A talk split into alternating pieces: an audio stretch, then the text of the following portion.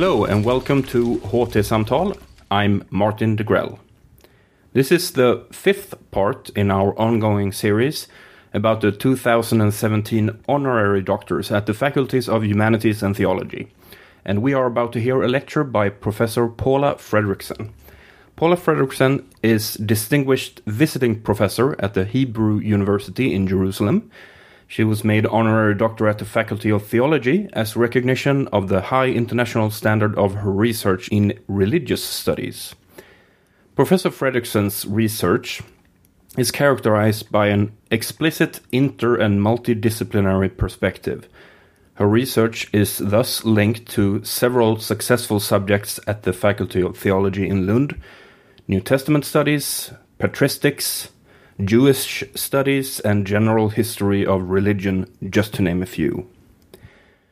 Her interest in Paul the Apostle and Augustine the Church Father is a common thread throughout her research, from her thesis Augustine's early interpretations of Paul in 1979 and onward. Fredriksen has also written about Jesus as an historical figure and the early Jesus movement as a branch of Judaism at the time, and furthermore has sought to spread her research results to the general public. Professor Fredriksen's lecture entitled Paul, Augustine, and Krister on the introspective conscience of the West was recorded at Lux on June 1st, 2017.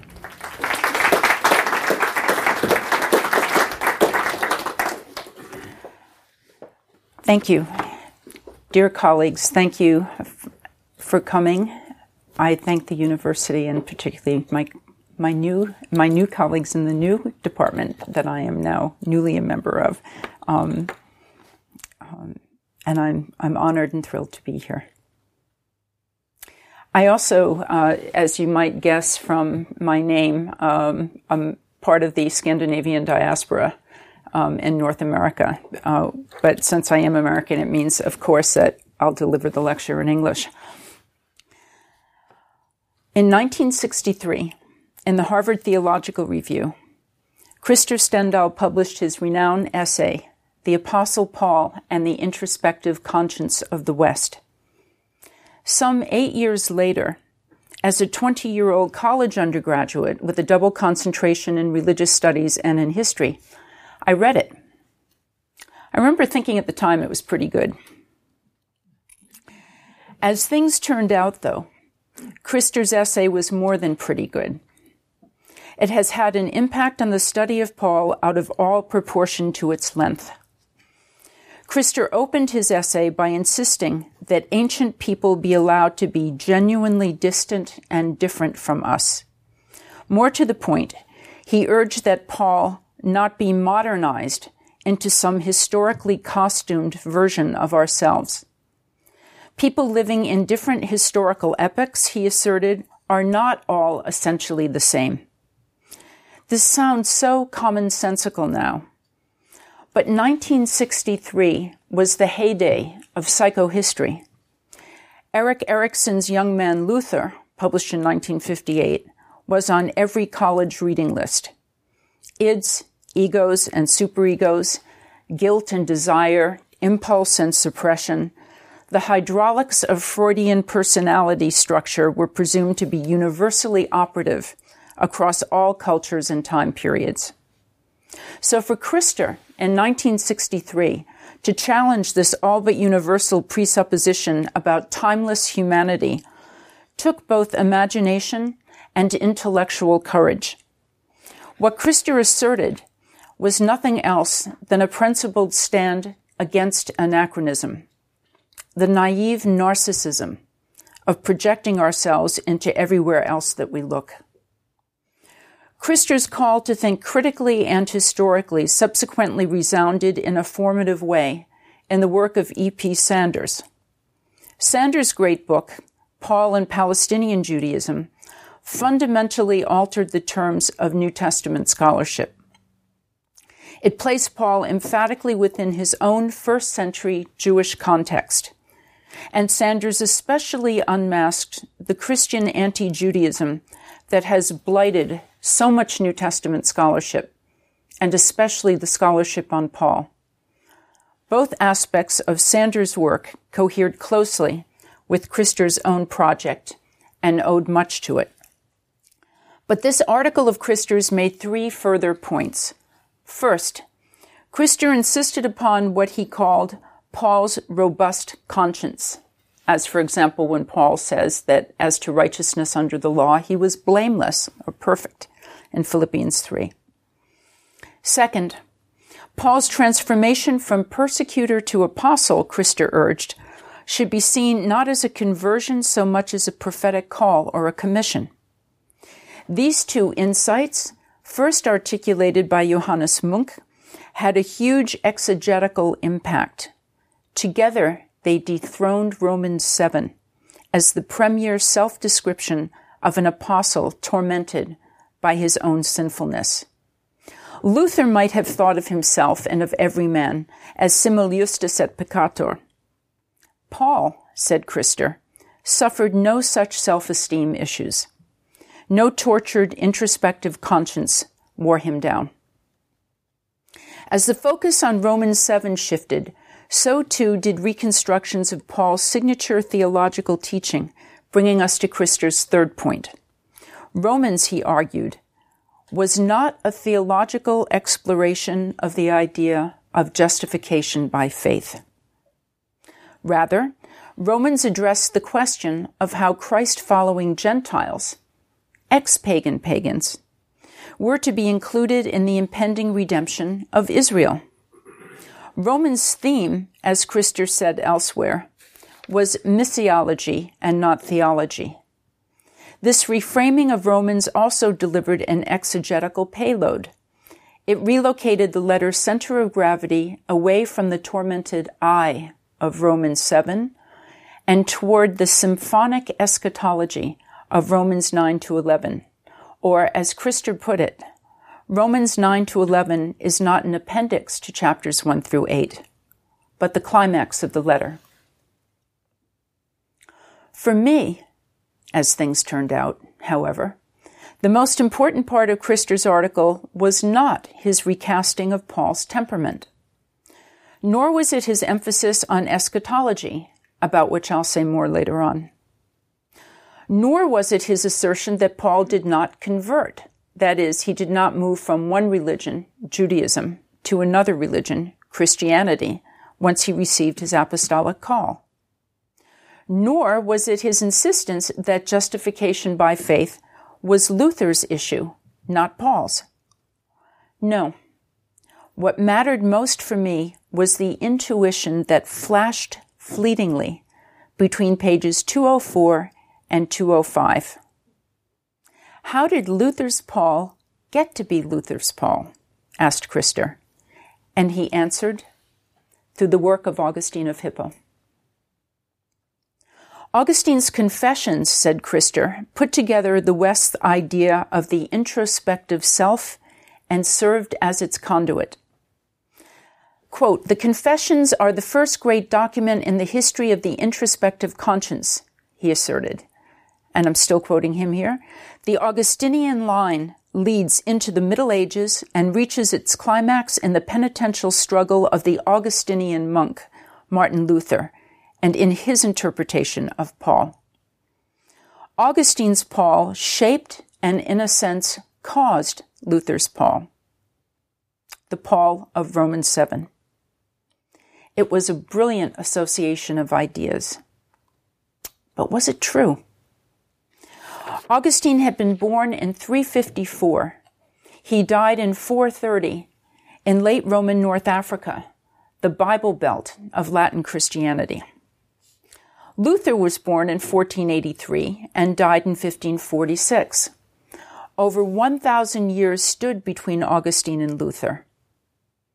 And Luther the monk lived in a resoundingly different culture, the penitential, post medieval, Renaissance culture of 16th century Northern Europe. Augustine's Paul must have been different from Luther's Paul. To start with, the two men were not even reading the same Pauline text. Luther read Paul in Greek, Augustine read Paul in a miserable Latin translation. If Augustine had read Greek, the West might have been spared the doctrine of original sin.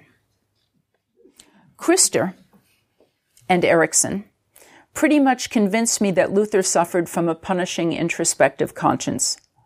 But with more than 10 centuries separating the late empire from Luther's Europe, could Augustine really have experienced the same?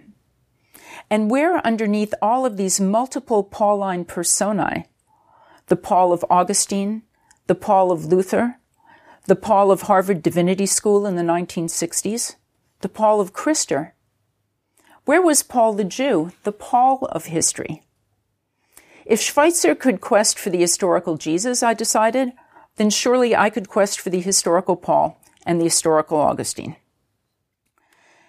These twinned quests it turned out, took me a little longer than my two remaining years of college. It took a little longer than my postgraduate year studying theology at Oxford. They took longer than my five years of doctoral work at Princeton, where I studied the two Romans commentaries that Augustine composed just before he wrote his Confessions. In 1982, I published the text and translation of these two commentaries, Augustine on Romans. And this August, at least according to Amazon, I will publish Paul, the pagan's apostle. These two quests, one for Augustine, one for Paul, describe a major trajectory of the past 35 years of my academic life. I hold Krister responsible. Krister's 16 page article, not that I knew it at the time, of course, would set the parameters for much of my own work. Inspired by his insights, I have always studied Paul within two contexts that of the mid first century and that of the Latin West. The apocalyptic, charismatic Paul of late Second Temple Judaism, and Augustine's Paul, the Christian theologian of grace, of predestination, and of original sin. Along the way, I have discovered that it took Augustine a while to come up with Augustine's Paul. And the key to Augustine's Paul, it turned out, was not the confessions.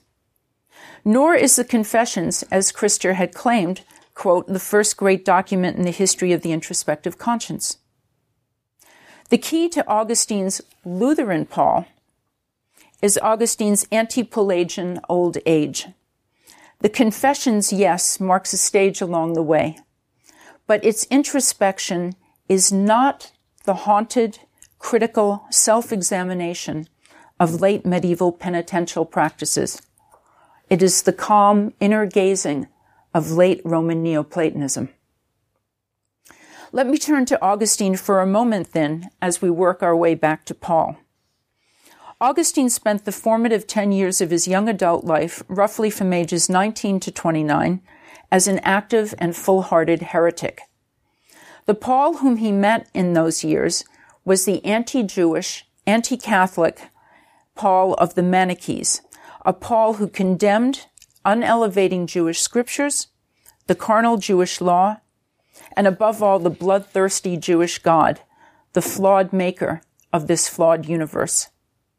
Then, at around age 30, climbing the professional ladder, Augustine made his way from Carthage to Milan. It was there that he returned to Catholic Christianity. More than a decade later, Augustine described the events surrounding that time in his great theological masterwork, The Confessions. Between his conversion in 386 and his description of it in 397 lay a period of intensive study of Paul, and particularly of Romans. Augustine bangs his head repeatedly against Romans 9. Why did God love Jacob? Why did he hate Esau? Why does God punish the sinner if God himself shapes the clay? At stake was not the plight of man the sinner. At stake was a morally coherent construction of God. The God truly represented in Jewish scripture, the God who gave the law, the God who made the universe and everything in it, and saw that it was good. And no less at stake was finding an anti-Manichaean Paul. By the year 400, Augustine found the Catholic Paul. This Paul arrived in tandem with the Catholic Augustine, who was also presented and even constructed in the Confessions. This was not an accident. The Confessions. We all know how the story goes. Augustine was beaten as a schoolboy. He stole pears as a teenager. He came to Carthage burning, burning, where a cauldron of unholy lust leapt and boiled about his flesh. Who hasn't had a freshman year like this? He had a freshman year from hell. He joined the Manichees. He acquired a live in girlfriend, whom he got pregnant. And he changed faculties from law to philosophy. Poor Monica. But then Augustine became disillusioned with the Manichees. He moved to Milan. He listened to Ambrose and he read the books of the Platonists. Through late Platonism, Augustine reconceives the problem of evil. Evil is not something, as the Manichees had taught. Evil is no thing, the absence of something, the absence of good, just as cold as the absence of heat. God creates, which means what God creates is good. Evil erodes the good like rust erodes steel. But evil does not invade the good because evil is not good and not being. In other words, God creates everything, but not even God can create no thing. This is Augustine's account written in 397 in the Confessions of how he was thinking about things pre conversion in cosmopolitan Milan in the mid 380s. He offers not an introspective self so much as a retrospective self. So much for cosmic evil. But what about personal, voluntary evil, also known as sin? In the works that immediately followed his conversion back in 386, writing to other learned gentlemen in his Platonic reading group, Augustine had characterized sin as a mistake made due to ignorance. Once you know the right thing to do, you do the right thing. Any philosopher knows this to be the case. If you know the good, you choose it. But back in Africa, he had to speak before a much less cosmopolitan audience. He publicly debated with the Manichees, who peppered him with quotations from Paul's letter that seemed to talk about unwilled sin, as at Romans 7. Augustine's fancy Neoplatonism wasn't working, whether to persuade his audience or to pummel his enemies. In the mid 390s, he started to study seriously the Catholic Paul. The Catholic Paul in the fourth century was better published than is the Paul of 21st century critical New Testament scholarship. Only seven letters in the canon are currently uncontested. Those are 1 Thessalonians, Philemon, 1st and 2nd Corinthians, Galatians, Philippians, and Romans. Augustine painted his portrait of Paul from a richer palette that included the Deuteropauline letters, 2nd Thessalonians, 1st and 2nd Timothy, Titus, Ephesians, Colossians. And unlike us, he could draw uncritically on the Acts of the Apostles. In the mid 390s, then, commenting on Romans and on Galatians, Augustine begins to construct a Paul who was, in the words of Titus chapter 3, verse 3, foolish, disobedient, led astray, slavishly serving various passions and pleasures. End of quote. This is a Paul who did not want to stop sinning, but God chose him anyway, against Saul's own will. Thus, Augustine in 396, immediately before starting the Confessions, commenting on Romans 9, observed, and I'm quoting him here in the Ad Simplicianum, what did Saul do but attack, seize, blind, and slay Christians? What a fierce, savage, blind will was that!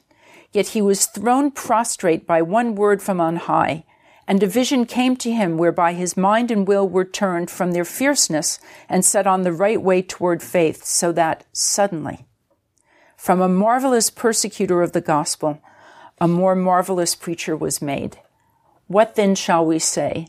Is there unrighteousness with God? God forbid.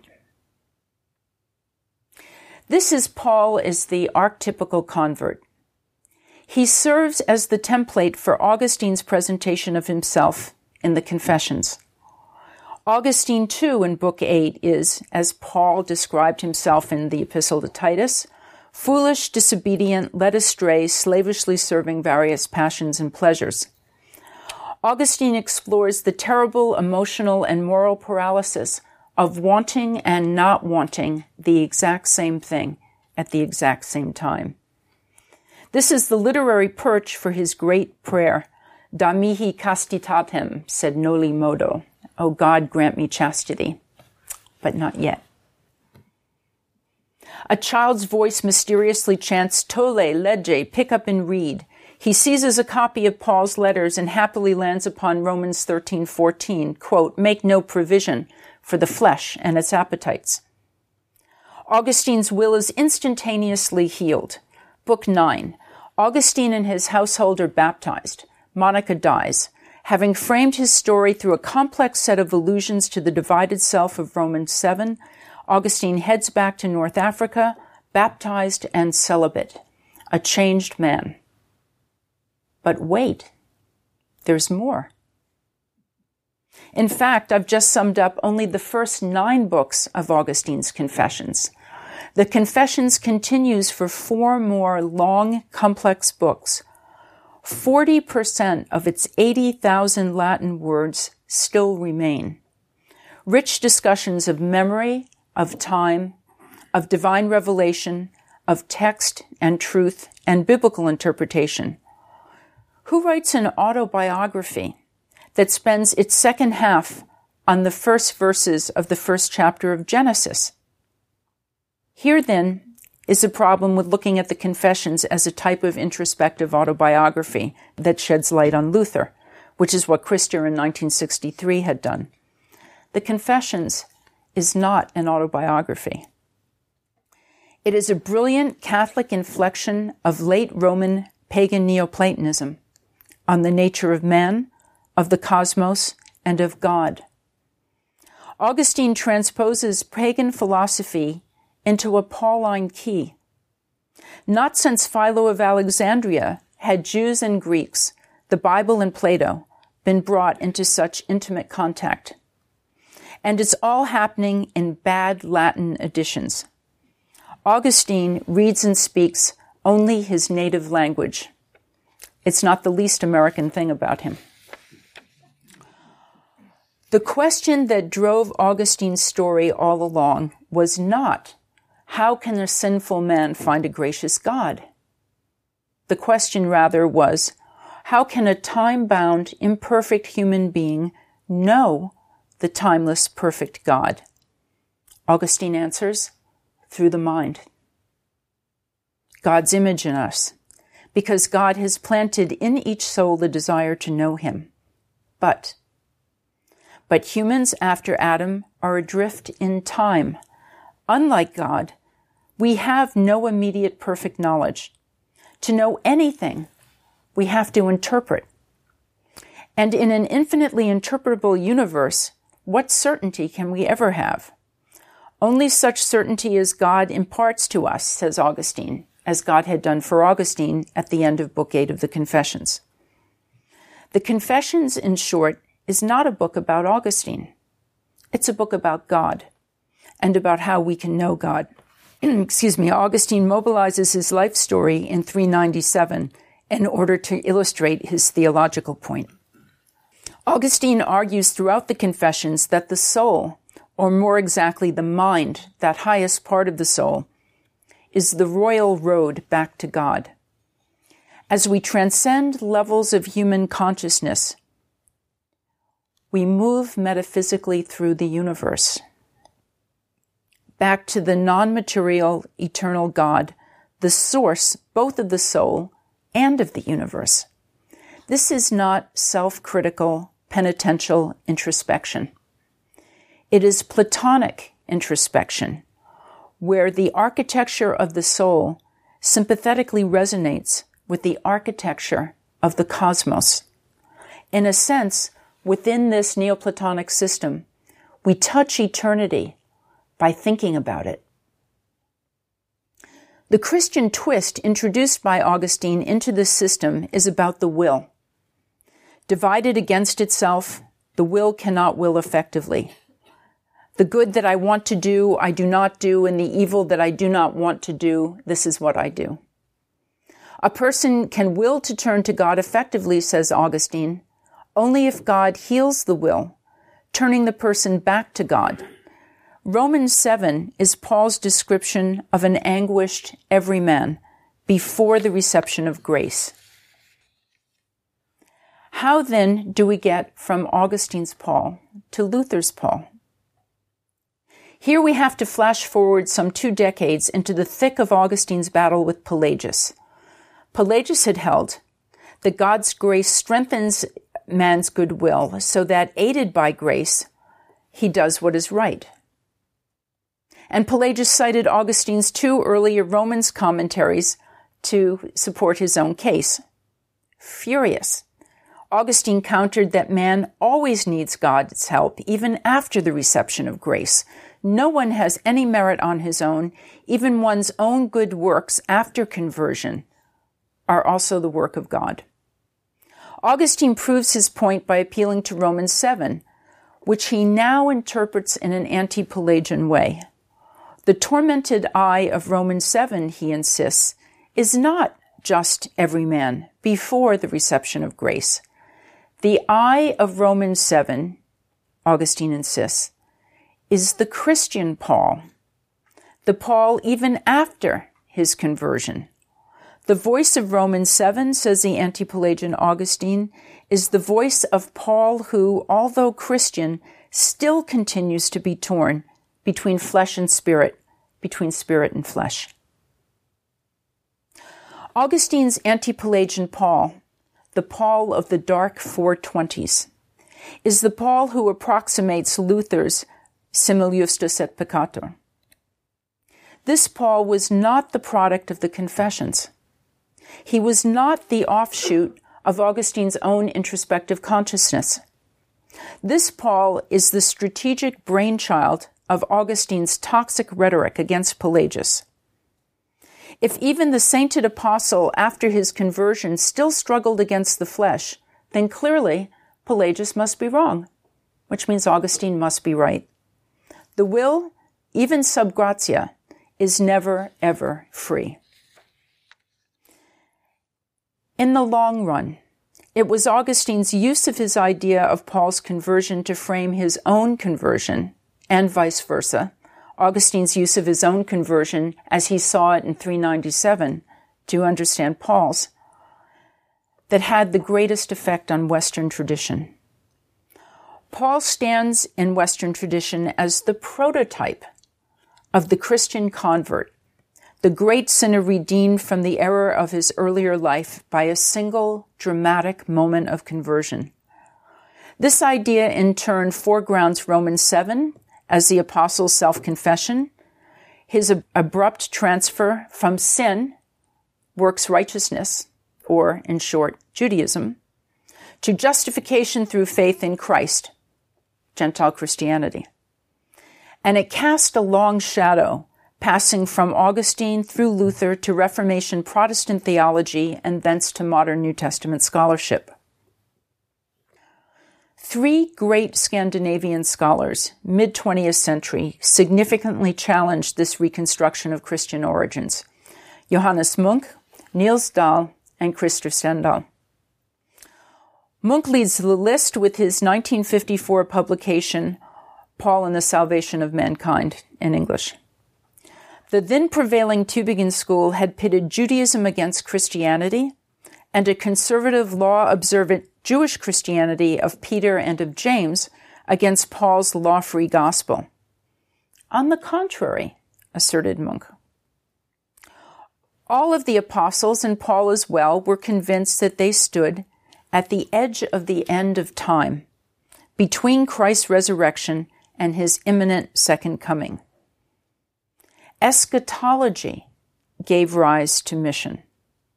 The earliest community saw the gospel message as entirely contiguous with the faith of Israel and the promise of God's redemption to his people. At the end, all Israel, that is, ethnic Israel, is saved. Munck's argument shifted Roman's center of gravity away from chapter 7 and toward chapters 9 through 11. What then of Paul the convert? Munck urged as well that Paul's Damascus experience be seen not as a conversion, but as Paul's reception of his prophetic call. Paul's own description of his experience in Galatians 1:15 echoes the language of Isaiah and of Jeremiah. Paul's apostleship, in Paul's own view, insisted Munck, began with the commission, not with the conversion. The work of Nils Dahl and of Krister Stendahl variously reinforce Munck's arguments. While Dahl held that conversion was the term appropriate for Paul's life changing experience, he also emphasized that conversion should not connote a change of religion. Paul and his fellow apostles, Dahl insisted, remained committed to the eschatological redemption of Israel, and it was to this end that Paul engaged in his mission to Gentiles. In this reading, no less than in Munck's, Romans 9 to 11, with its conviction that all Israel will be saved, sets the plumb line for Pauline interpretation. Stendahl, meanwhile, as we have seen, built upon Munck and also championed call over conversion. Guilt did not explain Paul's gospel, Krister insisted. Quote, Paul was equipped with what must be called a robust conscience. We look in vain for a statement in which Paul would speak about himself as an actual sinner. That's Krister. Paul saw his mission and the message of the gospel as finding a place for the nations within Israel's coming redemption. Thus, for Stendahl too, Romans 9 through 11 is the climax of the letter. I wish that I could tell you that the work of these three men forever after changed Pauline studies but that would not be true. The field is still as energetically divided as ever. Many scholars still refer to Paul's call as his conversion. Some will even insist, despite Munck and before him the definitive 1929 study of Kümmel, that Romans 7 is confessional, Paul's own self report. Other scholars, noting that Paul's addressees are predominantly, if not exclusively, Gentile, suggest that Paul taught, quote, two paths of salvation, Torah for Jews and Christ for Gentiles. And still other scholars remain resolutely supersessionist. For them, Paul really did leave an inferior religion, that is Judaism, and a law that he knew was a curse, for a superior religion, law free Christianity. The two most recent defenses of this very traditional view from 2013 and from 2015 are each very, very long. The one from 2013 is over 1,660 pages, and I had to review it, so I read 1,660 pages of this stuff. Maybe the length is a good thing because it signals that the position itself is getting harder and harder to defend. I number among those scholars who think that Paul and his gospel are best interpreted within Judaism. Paul did not know that his letters would one day be used to create what we call Christianity. Three reasons for thinking this way have already been provided by Munck, Dahl, and Stendahl. First, Paul thought of his becoming an apostle as a prophetic call rather than as a conversion. Second, Paul himself had a robust Jewish identity. And third, Paul expected the return of Christ, the resurrection of the dead, the transformation of the living, and the establishment of God's kingdom within his own lifetime. It is history that looks at the apostles as the church's founding generation. They looked at themselves as history's final generation. Fittingly, it is on this last point, eschatology, that I and Krister will end. So many things disturb undergraduates in courses introducing the New Testament. They read Matthew and Luke together for the first time and realize that those two Gospels tell two very different birth narratives. They find out that none of the 12 disciples in Mark's Gospel ever understood a word that Jesus was saying. They find out that there are four different stories about the resurrection. They find out that Paul teaches the resurrection of a spiritual body. They find out that Mark's Jesus cleanses the temple at the very end of his mission, but that John's Jesus does the very same thing at the very beginning of his. Some of these things bother some of them, other things bother others of them. But what bothers all of them is a teaching on which Jesus and Paul completely agreed, namely, that the kingdom of God was at hand. In first century texts, the kingdom of God is not a metaphor for heaven. It is not a coded way of talking about the church. In first century Judaism, the kingdom is an historical, empirical event. The defeat of pagan gods, the battle between good and evil, and good winning. The resurrection of the dead, the advent of the Messiah for those groups who expected a Messiah, the turning of the nations to Israel's God, the reassembling of Israel's 12 tribes, the establishment of universal peace. The day after the kingdom of God arrived, in other words, would definitely look different from the day before. John the Baptizer, in the 20s of the first century, taught that these events were imminent. Jesus of Nazareth, in the late 20s and early 30s of the first century, taught that these events were imminent. And this is what Paul in the middle decades of the first century also taught was imminent. That's interesting. Because by the time that we have our earliest evidence for the Christ movement, that is to say, with Paul's letters, mid first century, the kingdom was already 20 years late. Today, in Lund, on the 1st of June in 2017, the kingdom is almost 2,000 years late. And that is exactly what Krister says. This too took moral and intellectual courage, because the delay of the end is something of an embarrassment. Indeed, in the 2200 pages of those two most recent books on Paul as Christian theologian, or Paul as the founder of Christianity, their authors do not mention eschatology even once exegeting Paul in infinite and prolonged detail, they managed to neglect to mention that Paul expected the end of the normal world within his own lifetime. Perhaps they didn't notice. Perhaps it slipped their minds. Or perhaps they could not deal with it because the only way to turn Paul into a modern Protestant is to forget what he said about the impending return of Christ.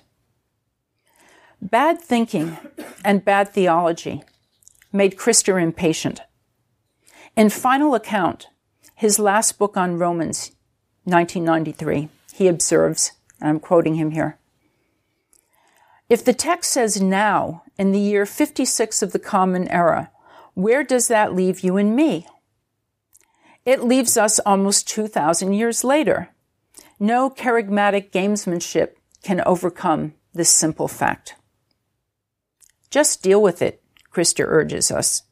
Do not ignore it or pretend that it does not exist, but do not do bad history, which will lead to dishonest theology. Acknowledge that now is what Paul, mid first century, proclaimed.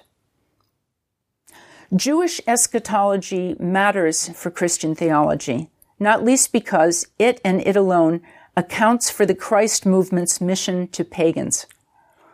It was only at the end, taught the prophet Isaiah, that the fullness of the pagans, all 70 nations descended from Noah, would turn to Israel's God. It was only at the end that the plenum of Israel, all 12 tribes, would recollect. It was only at the end that, quote, the fullness of the Gentiles and all Israel, as Paul says in Romans 11, would be redeemed. If we let go of Jewish eschatology, this embarrassing religious artifact from the Jewish past, we let go of the only thing that explains Christianity's future. Deal with it, said Krister.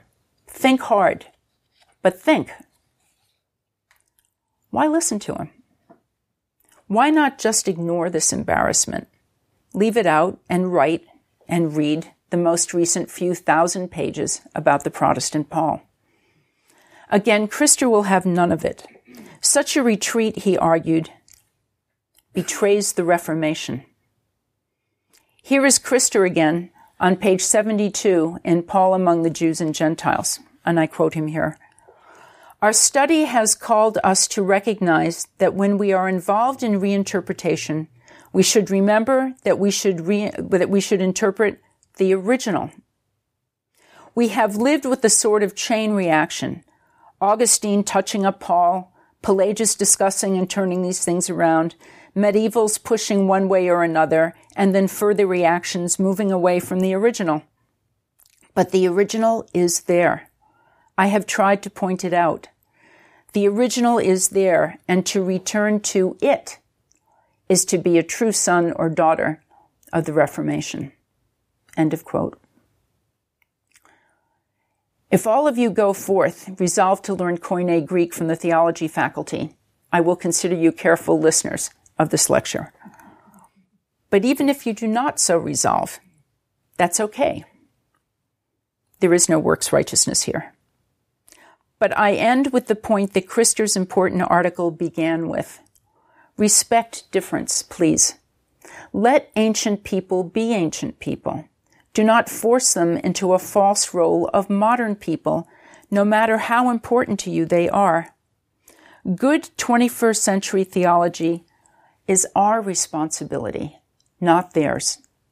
And if they had not made sense to their own first century audiences, we would not be here together today. But we are here together today. So many years after Paul's lifetime, so few years after the Shoah, this time together matters. I would like to bless it then with a Jewish benediction.